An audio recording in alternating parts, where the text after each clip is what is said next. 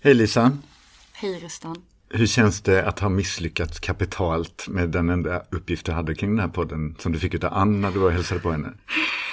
Jag vet, jag vet. Och ja, alla lyssnare vet ju också det. Att det, det enda tips Ann gav till mig var att håll i så att det inte blir för många gäster.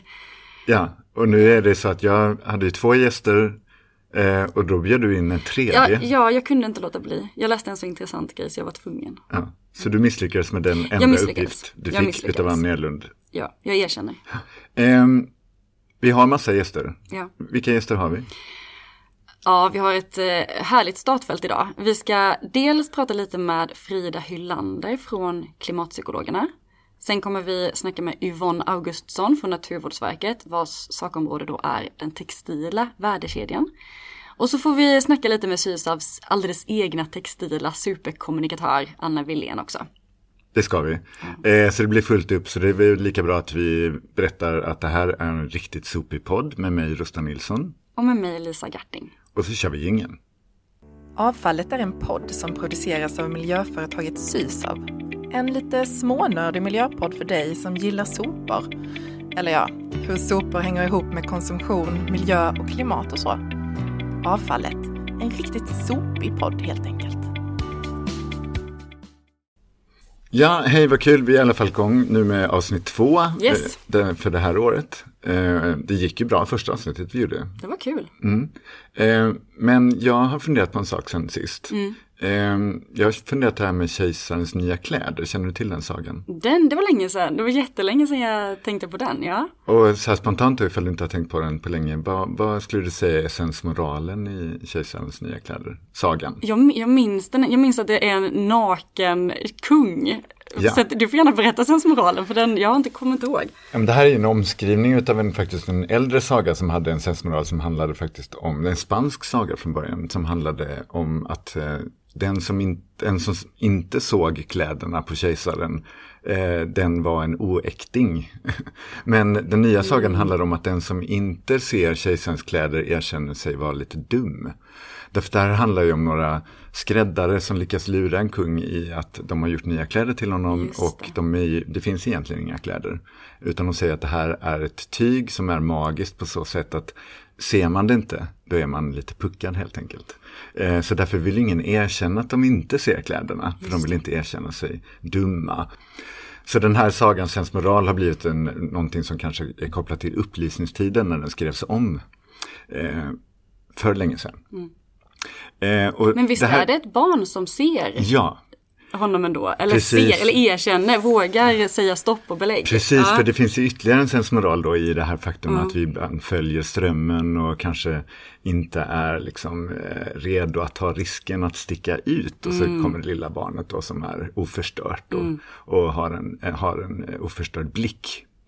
Eh, och jag tänkte att det vi ska prata lite om idag, det handlar liksom nästan omvänt om kejsarens nya kläder. För att vi vet ju idag när vi pratar kläder och textil, vilket det här eh, avsnittet kommer handla eh, om, att eh, vi har kläder, men vi kanske inte ser dem.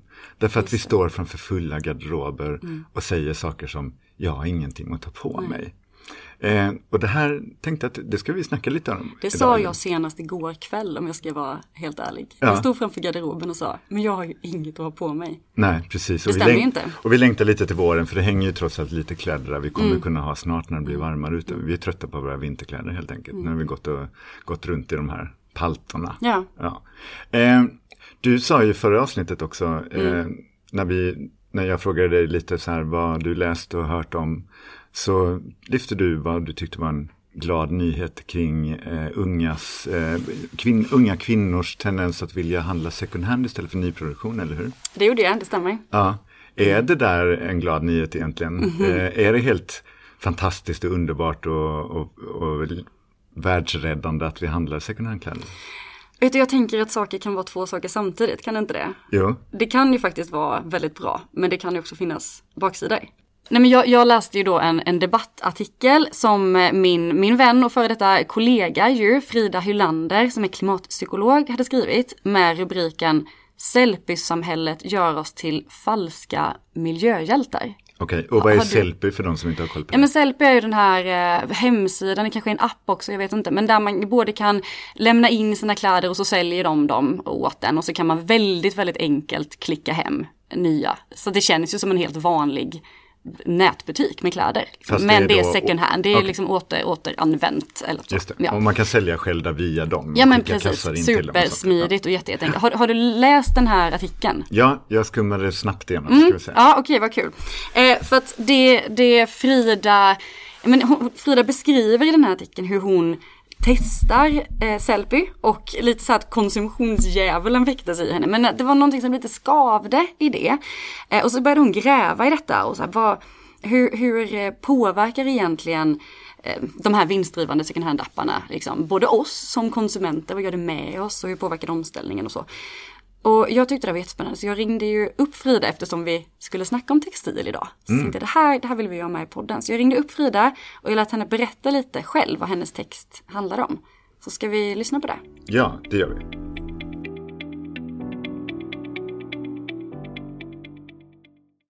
Texten handlar om de problem som finns med eh, second hand-appar eh, och framförallt då vinst drivande second hand-appar, eh, både på individnivå och mer på systemnivå.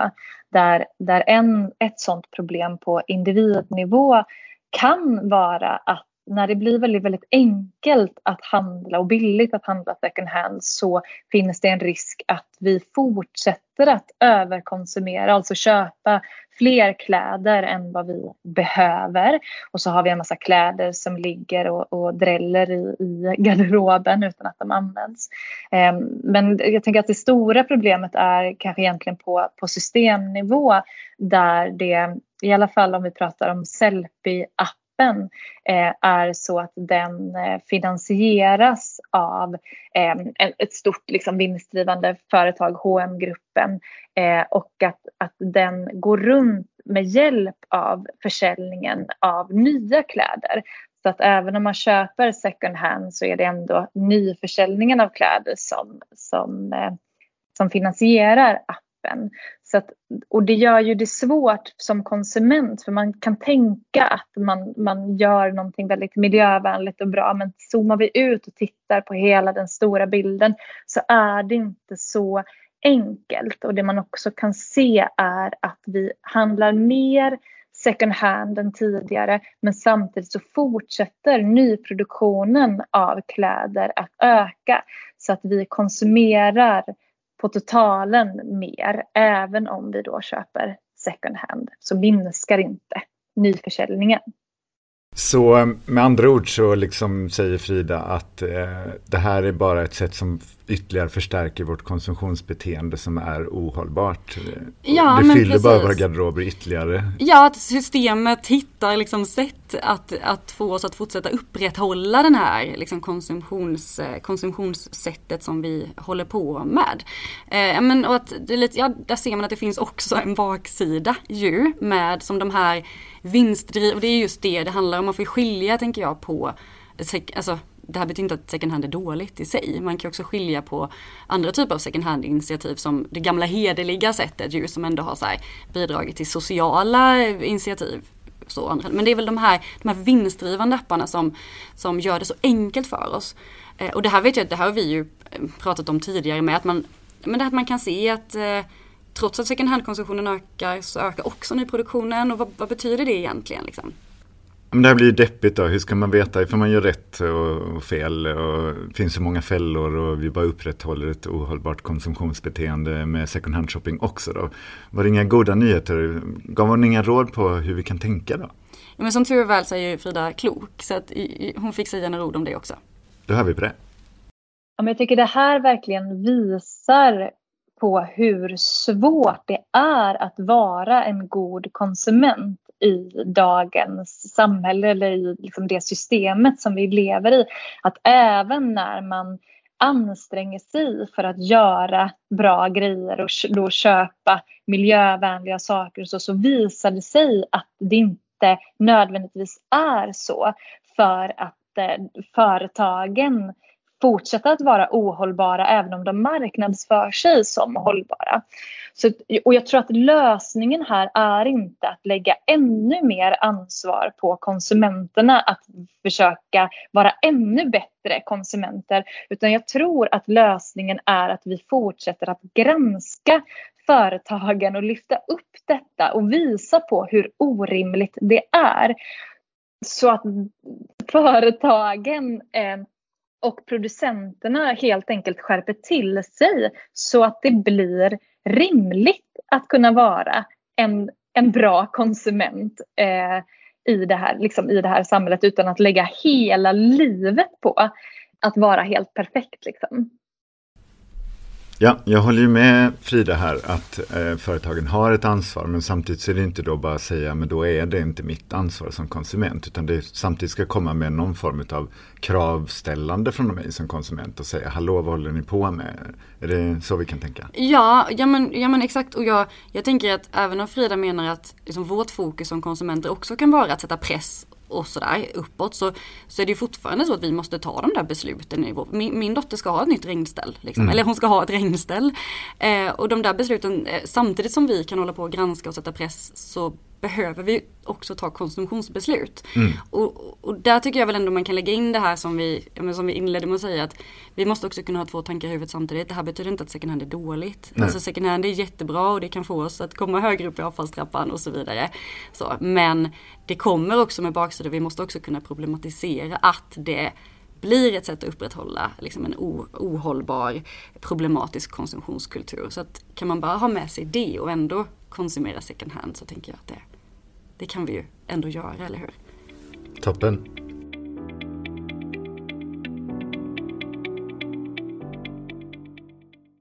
Eh, nu har det ju i dagarna släppts en ny rapport från FNs klimatpanel. Ja.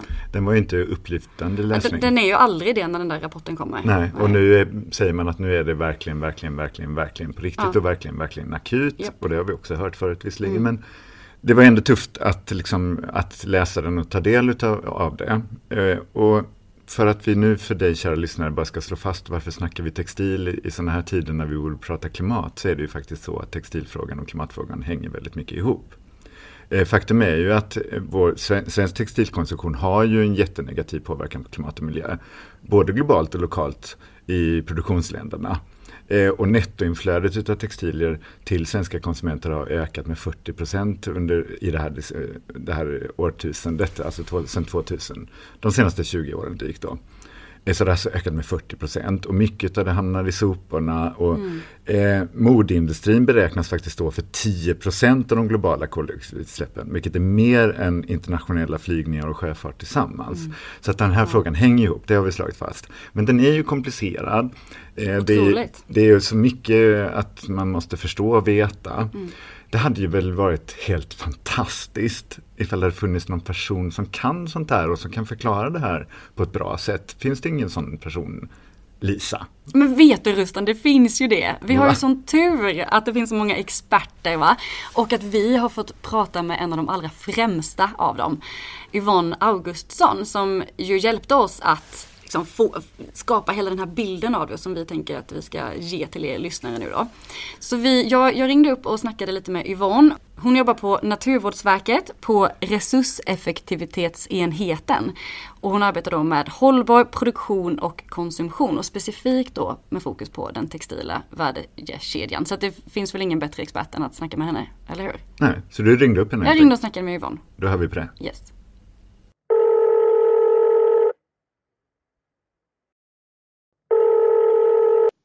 Yvonne. Hej Yvonne, det här är Lisa från en riktigt sopig podd. Så roligt att du vill vara med oss och gästa podden idag. Men tack för att jag får vara med. Du, idag så vill ju vi eh, djupdyka liksom rakt in i textilindustrin och prata om, om dess påverkan på miljö och klimat och hur ser det ut egentligen med produktion och, och konsumtion och hur hållbara är vi egentligen? Har du lust att liksom sätta in oss lite i det? Ja, jo, men jag tänker eh, just den här, eh, man brukar ju säga att produktionsdelen står för 80 procent av den totala miljö och klimatpåverkan från en textil. Jag tror att de flesta har faktiskt hört det. Men det som faktiskt många kanske inte tänker på, det är inte vilket material man väljer eller eh, varifrån produkten kommer, utan det är faktiskt hur produkten sker som har den stora påverkan. påverkan. Det vill säga hur, vilken produktionsprocess har använts, vilken energislag har man använt och finns det effektiva reningsanläggningar i produktionsanläggningarna. Materialen har egentligen en mindre betydelse utan det är hur det sker som verkligen har den största påverkan. Och det här kan ju låta lite abstrakt när man pratar om 80 procent av ett plaggs totala miljö och klimatpåverkan. Men om man tänker sig en bomulls-t-shirt så kan det gå åt ungefär 2500 liter vatten, ett halvt kilo kemikalier och orsaka mellan 2 till 8 kilo växthusgasutsläpp för att tillverka en enda t-shirt som väger ungefär 150 gram. Då, mm. då, då, förstår man lite, vad är det som händer? Det krävs mycket resurser. Och det här är ju ett jättestort problem för i dagsläget så är det ju så att de flesta produkter som sätts på den svenska marknaden och på EU-marknaden, de tillverkas ju utanför EUs gränser och då kan det ju vara svårt att påverka just det här. Hur sker produktionen? Och det innebär ju att företagen, producenterna, de som, som beställer varorna har ett stort ansvar för sina produkter att verkligen säkerställa att det, det är en bra produktionsprocess som man använder sig utav. Och det, det innebär ju också att, att producenterna behöver utveckla nya produkter som eh, faktiskt eh, kan minska påverkan både i nyproduktion men också att de kan hålla för en lång tid. Eh, och det här kräver ju jättemycket nytänkande och mod av företagen för att utveckla dels produkter som, som, som man istället för snabba produkter som eh, man brukar prata om fast fashion till exempel, som har en kanske relativt kort livslängd, både trendmässigt och kvalitetsmässigt. Men som sagt, mod och nytänkande av företagen är en del av lösningen här. Det är det som behövs helt enkelt. Mm. Men du menar, då är det, du säger att ungefär 80 procent av plaggets miljöpåverkan är i produktionen. Ja. Men om, om man tittar lite på, på vad som händer sen då, tas det mesta ens hand om i Sverige eller hur, hur ser det ut? Ja, eh, vi har ju inte någon nationell insamling i dagsläget utan det är faktiskt väldigt mycket upp till kommunerna skulle jag vilja säga. För textilavfall, eh, det är en del av det kommunala ansvaret. Det är ju sånt som vi hushåll främst genererar eller mm. hushållsli, eh, det är hushållsliknande. Så att vissa kommuner, faktiskt inte så få, jag tror att det är över 50 kommuner har faktiskt en separat insamling av textil redan i dagsläget. Ah. Um, och sen så har vi ju naturligtvis frivilligorganisationerna för det är de som, som till största delen eh, samlar in textil i Sverige i dagsläget. Och de samlar inte in en oansenlig del. Ehm, vi har lite dåligt uppdaterade siffror men, men, eh, men eh, om man sätts ungefär 150 000 ton textilier på marknaden varje år och de samlar in kanske ungefär ja, en fjärdedel okay. i Sverige. Ja. ja. Så, och den där resterande delen då? Ja, den, den hamnar ju eh, i vårt restavfall och ja. går troligtvis till förbränning. Om vi tittar till konsumtion då? För jag tänker att det är ju någonstans alltid såklart konsumtionen som driver produktionen. Och zoomar in lite på Sverige. Hur, hur står vi oss idag? Hur ser det ut här idag? Ja, att produktionen har en sån stor miljö och klimatpåverkan, det måste man ju sätta i relation till att vi faktiskt har en, en hög konsumtion. 2021 mm. då, då konsumerade varje svensk ungefär 14,8 kilo textil varav drygt 10 kilo var kläder. Och det är en väldigt hög siffra. Det är, det är, den högsta som vi har uppmätt. Vi har en tidsserie på Naturvårdsverket under de senaste 21 åren och det här var den högsta siffran någonsin. Oj. Och då ska man vara medveten om att i det här så, så ingår inte den här privata eh, e-handelskonsumtionen från länder inom e-, Europa. För vi har ju en fri rörlighet av varor så att då syns inte det här i tulldeklarationerna vad vi för in.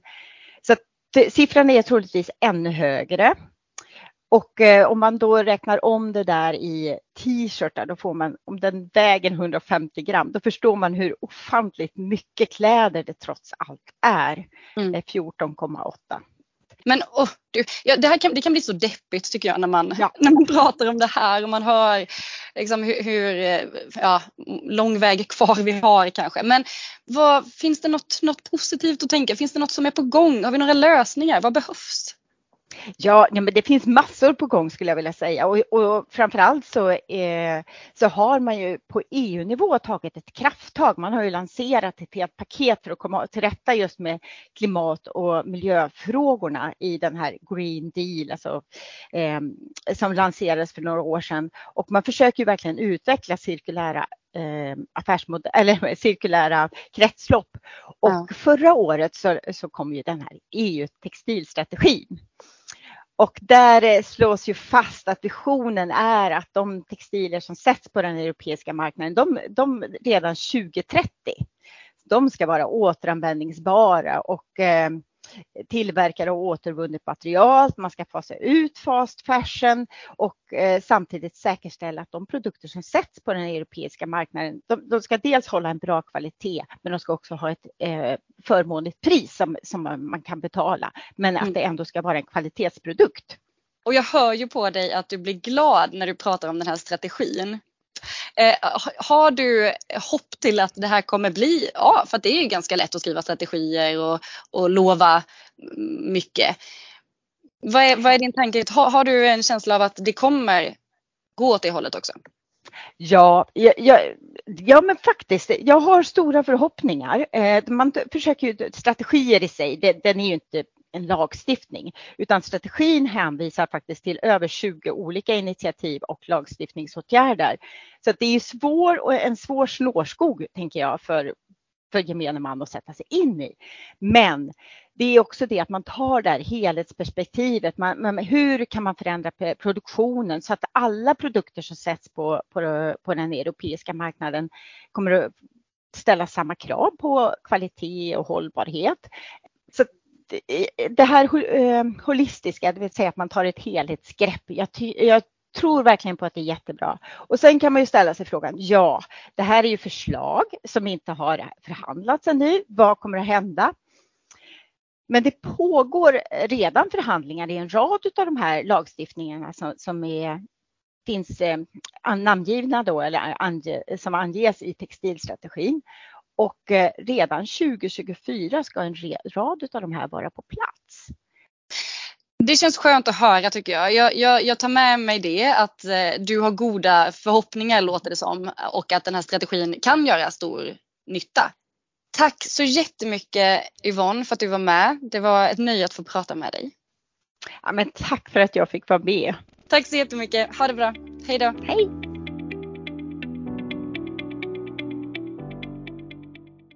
Men vad bra att det finns experter. Eh, vad tänkte du på när du snackade med Yvonne? Ja, men jag tyckte det var ett jätte, jätteintressant samtal och jag lärde mig väldigt mycket. Och jag, jag, jag tar väl främst med mig det där som också tycker jag knyter ihop med vad Frida sa. Att men Yvonne benämnde att det som behövs är liksom mod och nytänkande hos företagen, hos producenterna, det är där det sitter. Och det var även det Frida menar ju att men ansvaret, det stora ansvaret ligger någonstans där. Att så här, företagen måste skärpa sig. Sen kan vi konsumenter finnas med och sätta press och liksom göra det vi kan. Så, men att det är mod och nytänkande och att skärpa till sig lite hos företag och producenter.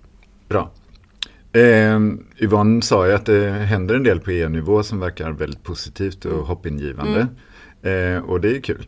Men det har ju hänt grejer här i Malmö också. Särskilt på sista tiden så har det ju hänt en väldigt kul grej som vi faktiskt måste ta upp. För att det, ifall du nu bombade och misslyckades här med din, din uppgift att säga nej och stopp kring många gäster i den här podden.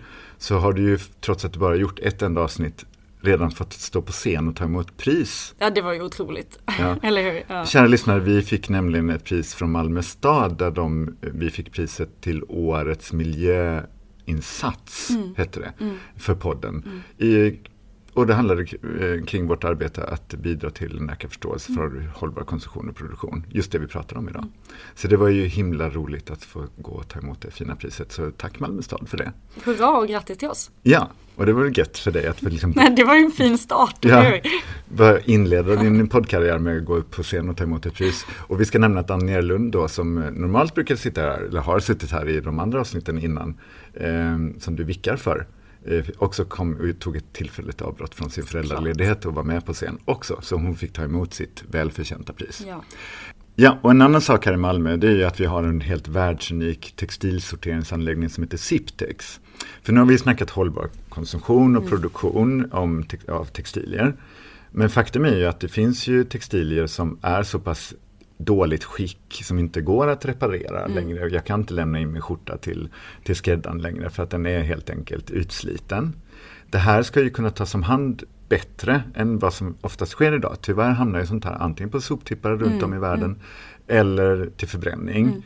Så vi byggde en anläggning som heter Siptex där vi kan då sortera ut textilier för återvinning. För det finns ju grejer som ska återvinnas, ja, eller hur? Absolut. Och eh, kommunikatör för den här anläggningen vi har är Anna Welén. Hon var med i det första avsnittet av den här podden vi någonsin gjorde och berättade om Siptex. Och då mm. var den helt ny, vi hade precis startat den. Och då sa hon så här, kan inte jag få komma tillbaks? Eh, ja visst ska du få det, för att berätta eh, om hur det har det gått, tänkte mm. jag då. Och nu har det gått två år. Så eh, vi, Anna är ju här i rummet, jag tror att hon är på ingång. Kan inte du eh, Ja, den här, jag, jag den här poddstudion har inte mm. plats för två, eh, mer än två avfallsnördar. Så, så eh, ska vi okay, hoppas att Anna jag, är på ingång. Jag, jag flyttar mig jag tror hon kommer nu. Kom in! Hej Anna! Hej! Hej! Kom in, kom in, sätt dig. Hej Rustan, tack.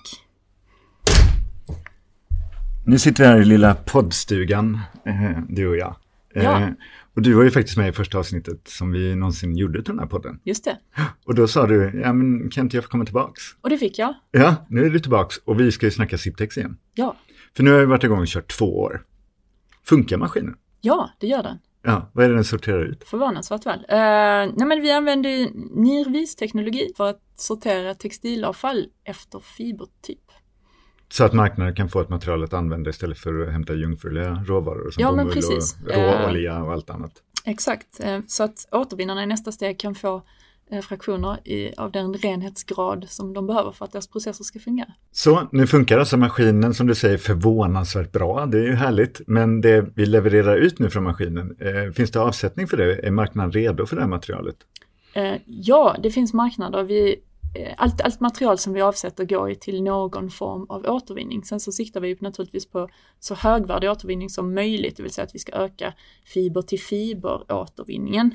Eh, men alla marknader är inte mogna än och vi väntar ju på mycket ny teknik. Eh, framförallt personligen hoppas jag väldigt mycket på, på att polyesteråtervinningen eh, ska, eh, ska verkligen nå kommersialiseras och bli storskalig eftersom det är mycket textil, speciellt för fast fashion, som inte är tillverkat för att hålla särskilt länge som sätts i stora volymer på marknaden.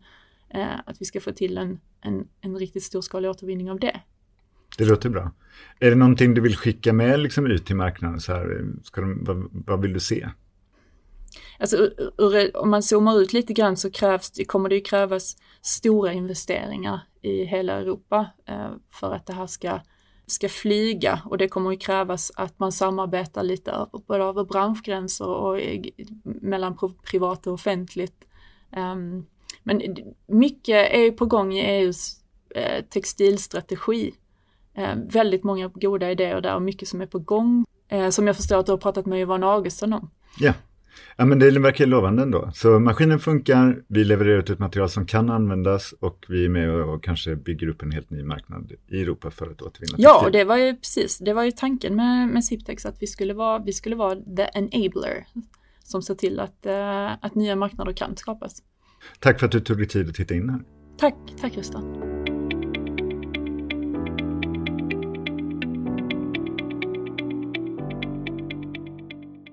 Ja, då är du tillbaka in här Lisa. Ja, nu är jag tillbaka. Det var kul att höra en liten lägesrapport från Anna mm, Verkligen. Eh, Okej, okay, nu har vi snackat textilier, mm, kläder. Mm. Eh, eller, gillar du kläder förresten? Ja, men jag, jag gillar kläder, men jag har ju ett lite så litet hatkärleksförhållande till kläder just på grund av att det är svårt. Alltså ja. jag tycker det är svårt att, att, veta vad jag ska göra. Men, men ja, visst är det kul med kläder.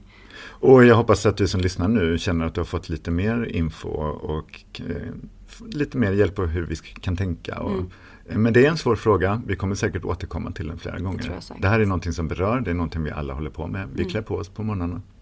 Det är tur det, särskilt när det är kallt. Så inte eh, alla blir som kejsarens nya kläder, går runt nakna. Ja precis, och ingen vågar säga Nej, något. Precis. Det här hade kanske varit väldigt hållbart. Ja, det bästa egentligen. Men kallt. Men kallt. Ehm, jag är nöjd, är du nöjd? Jag är jättenöjd. Då tycker jag att vi stänger ner det här avsnittet eh, med Marias hållbarhetstips. Ja. Eh, tack för att ni lyssnade, hej då. Hej då. Så firar du en mer hållbar påsk. Vill du uppdatera ditt påskpynt? Leta second hand. Butikerna brukar vara duktiga på att skylta efter säsong. Ett alternativ till fjädrar i påskriset är att knyta fina band eller använda pappersfjädrar. Ska du duka fram ett traditionellt påskbord? Lägg upp maten i mindre skålar och fyll på vid behov så minskar du risken för matsvinn. Äggskal och andra matrester som inte går att ta tillvara sorterar du som matavfall. Fler tips hittar du på Sysavs Instagram. Det här var en podd producerad av miljöföretaget Sysav. Glöm inte att följa oss på sociala medier. Där heter vi Sysav.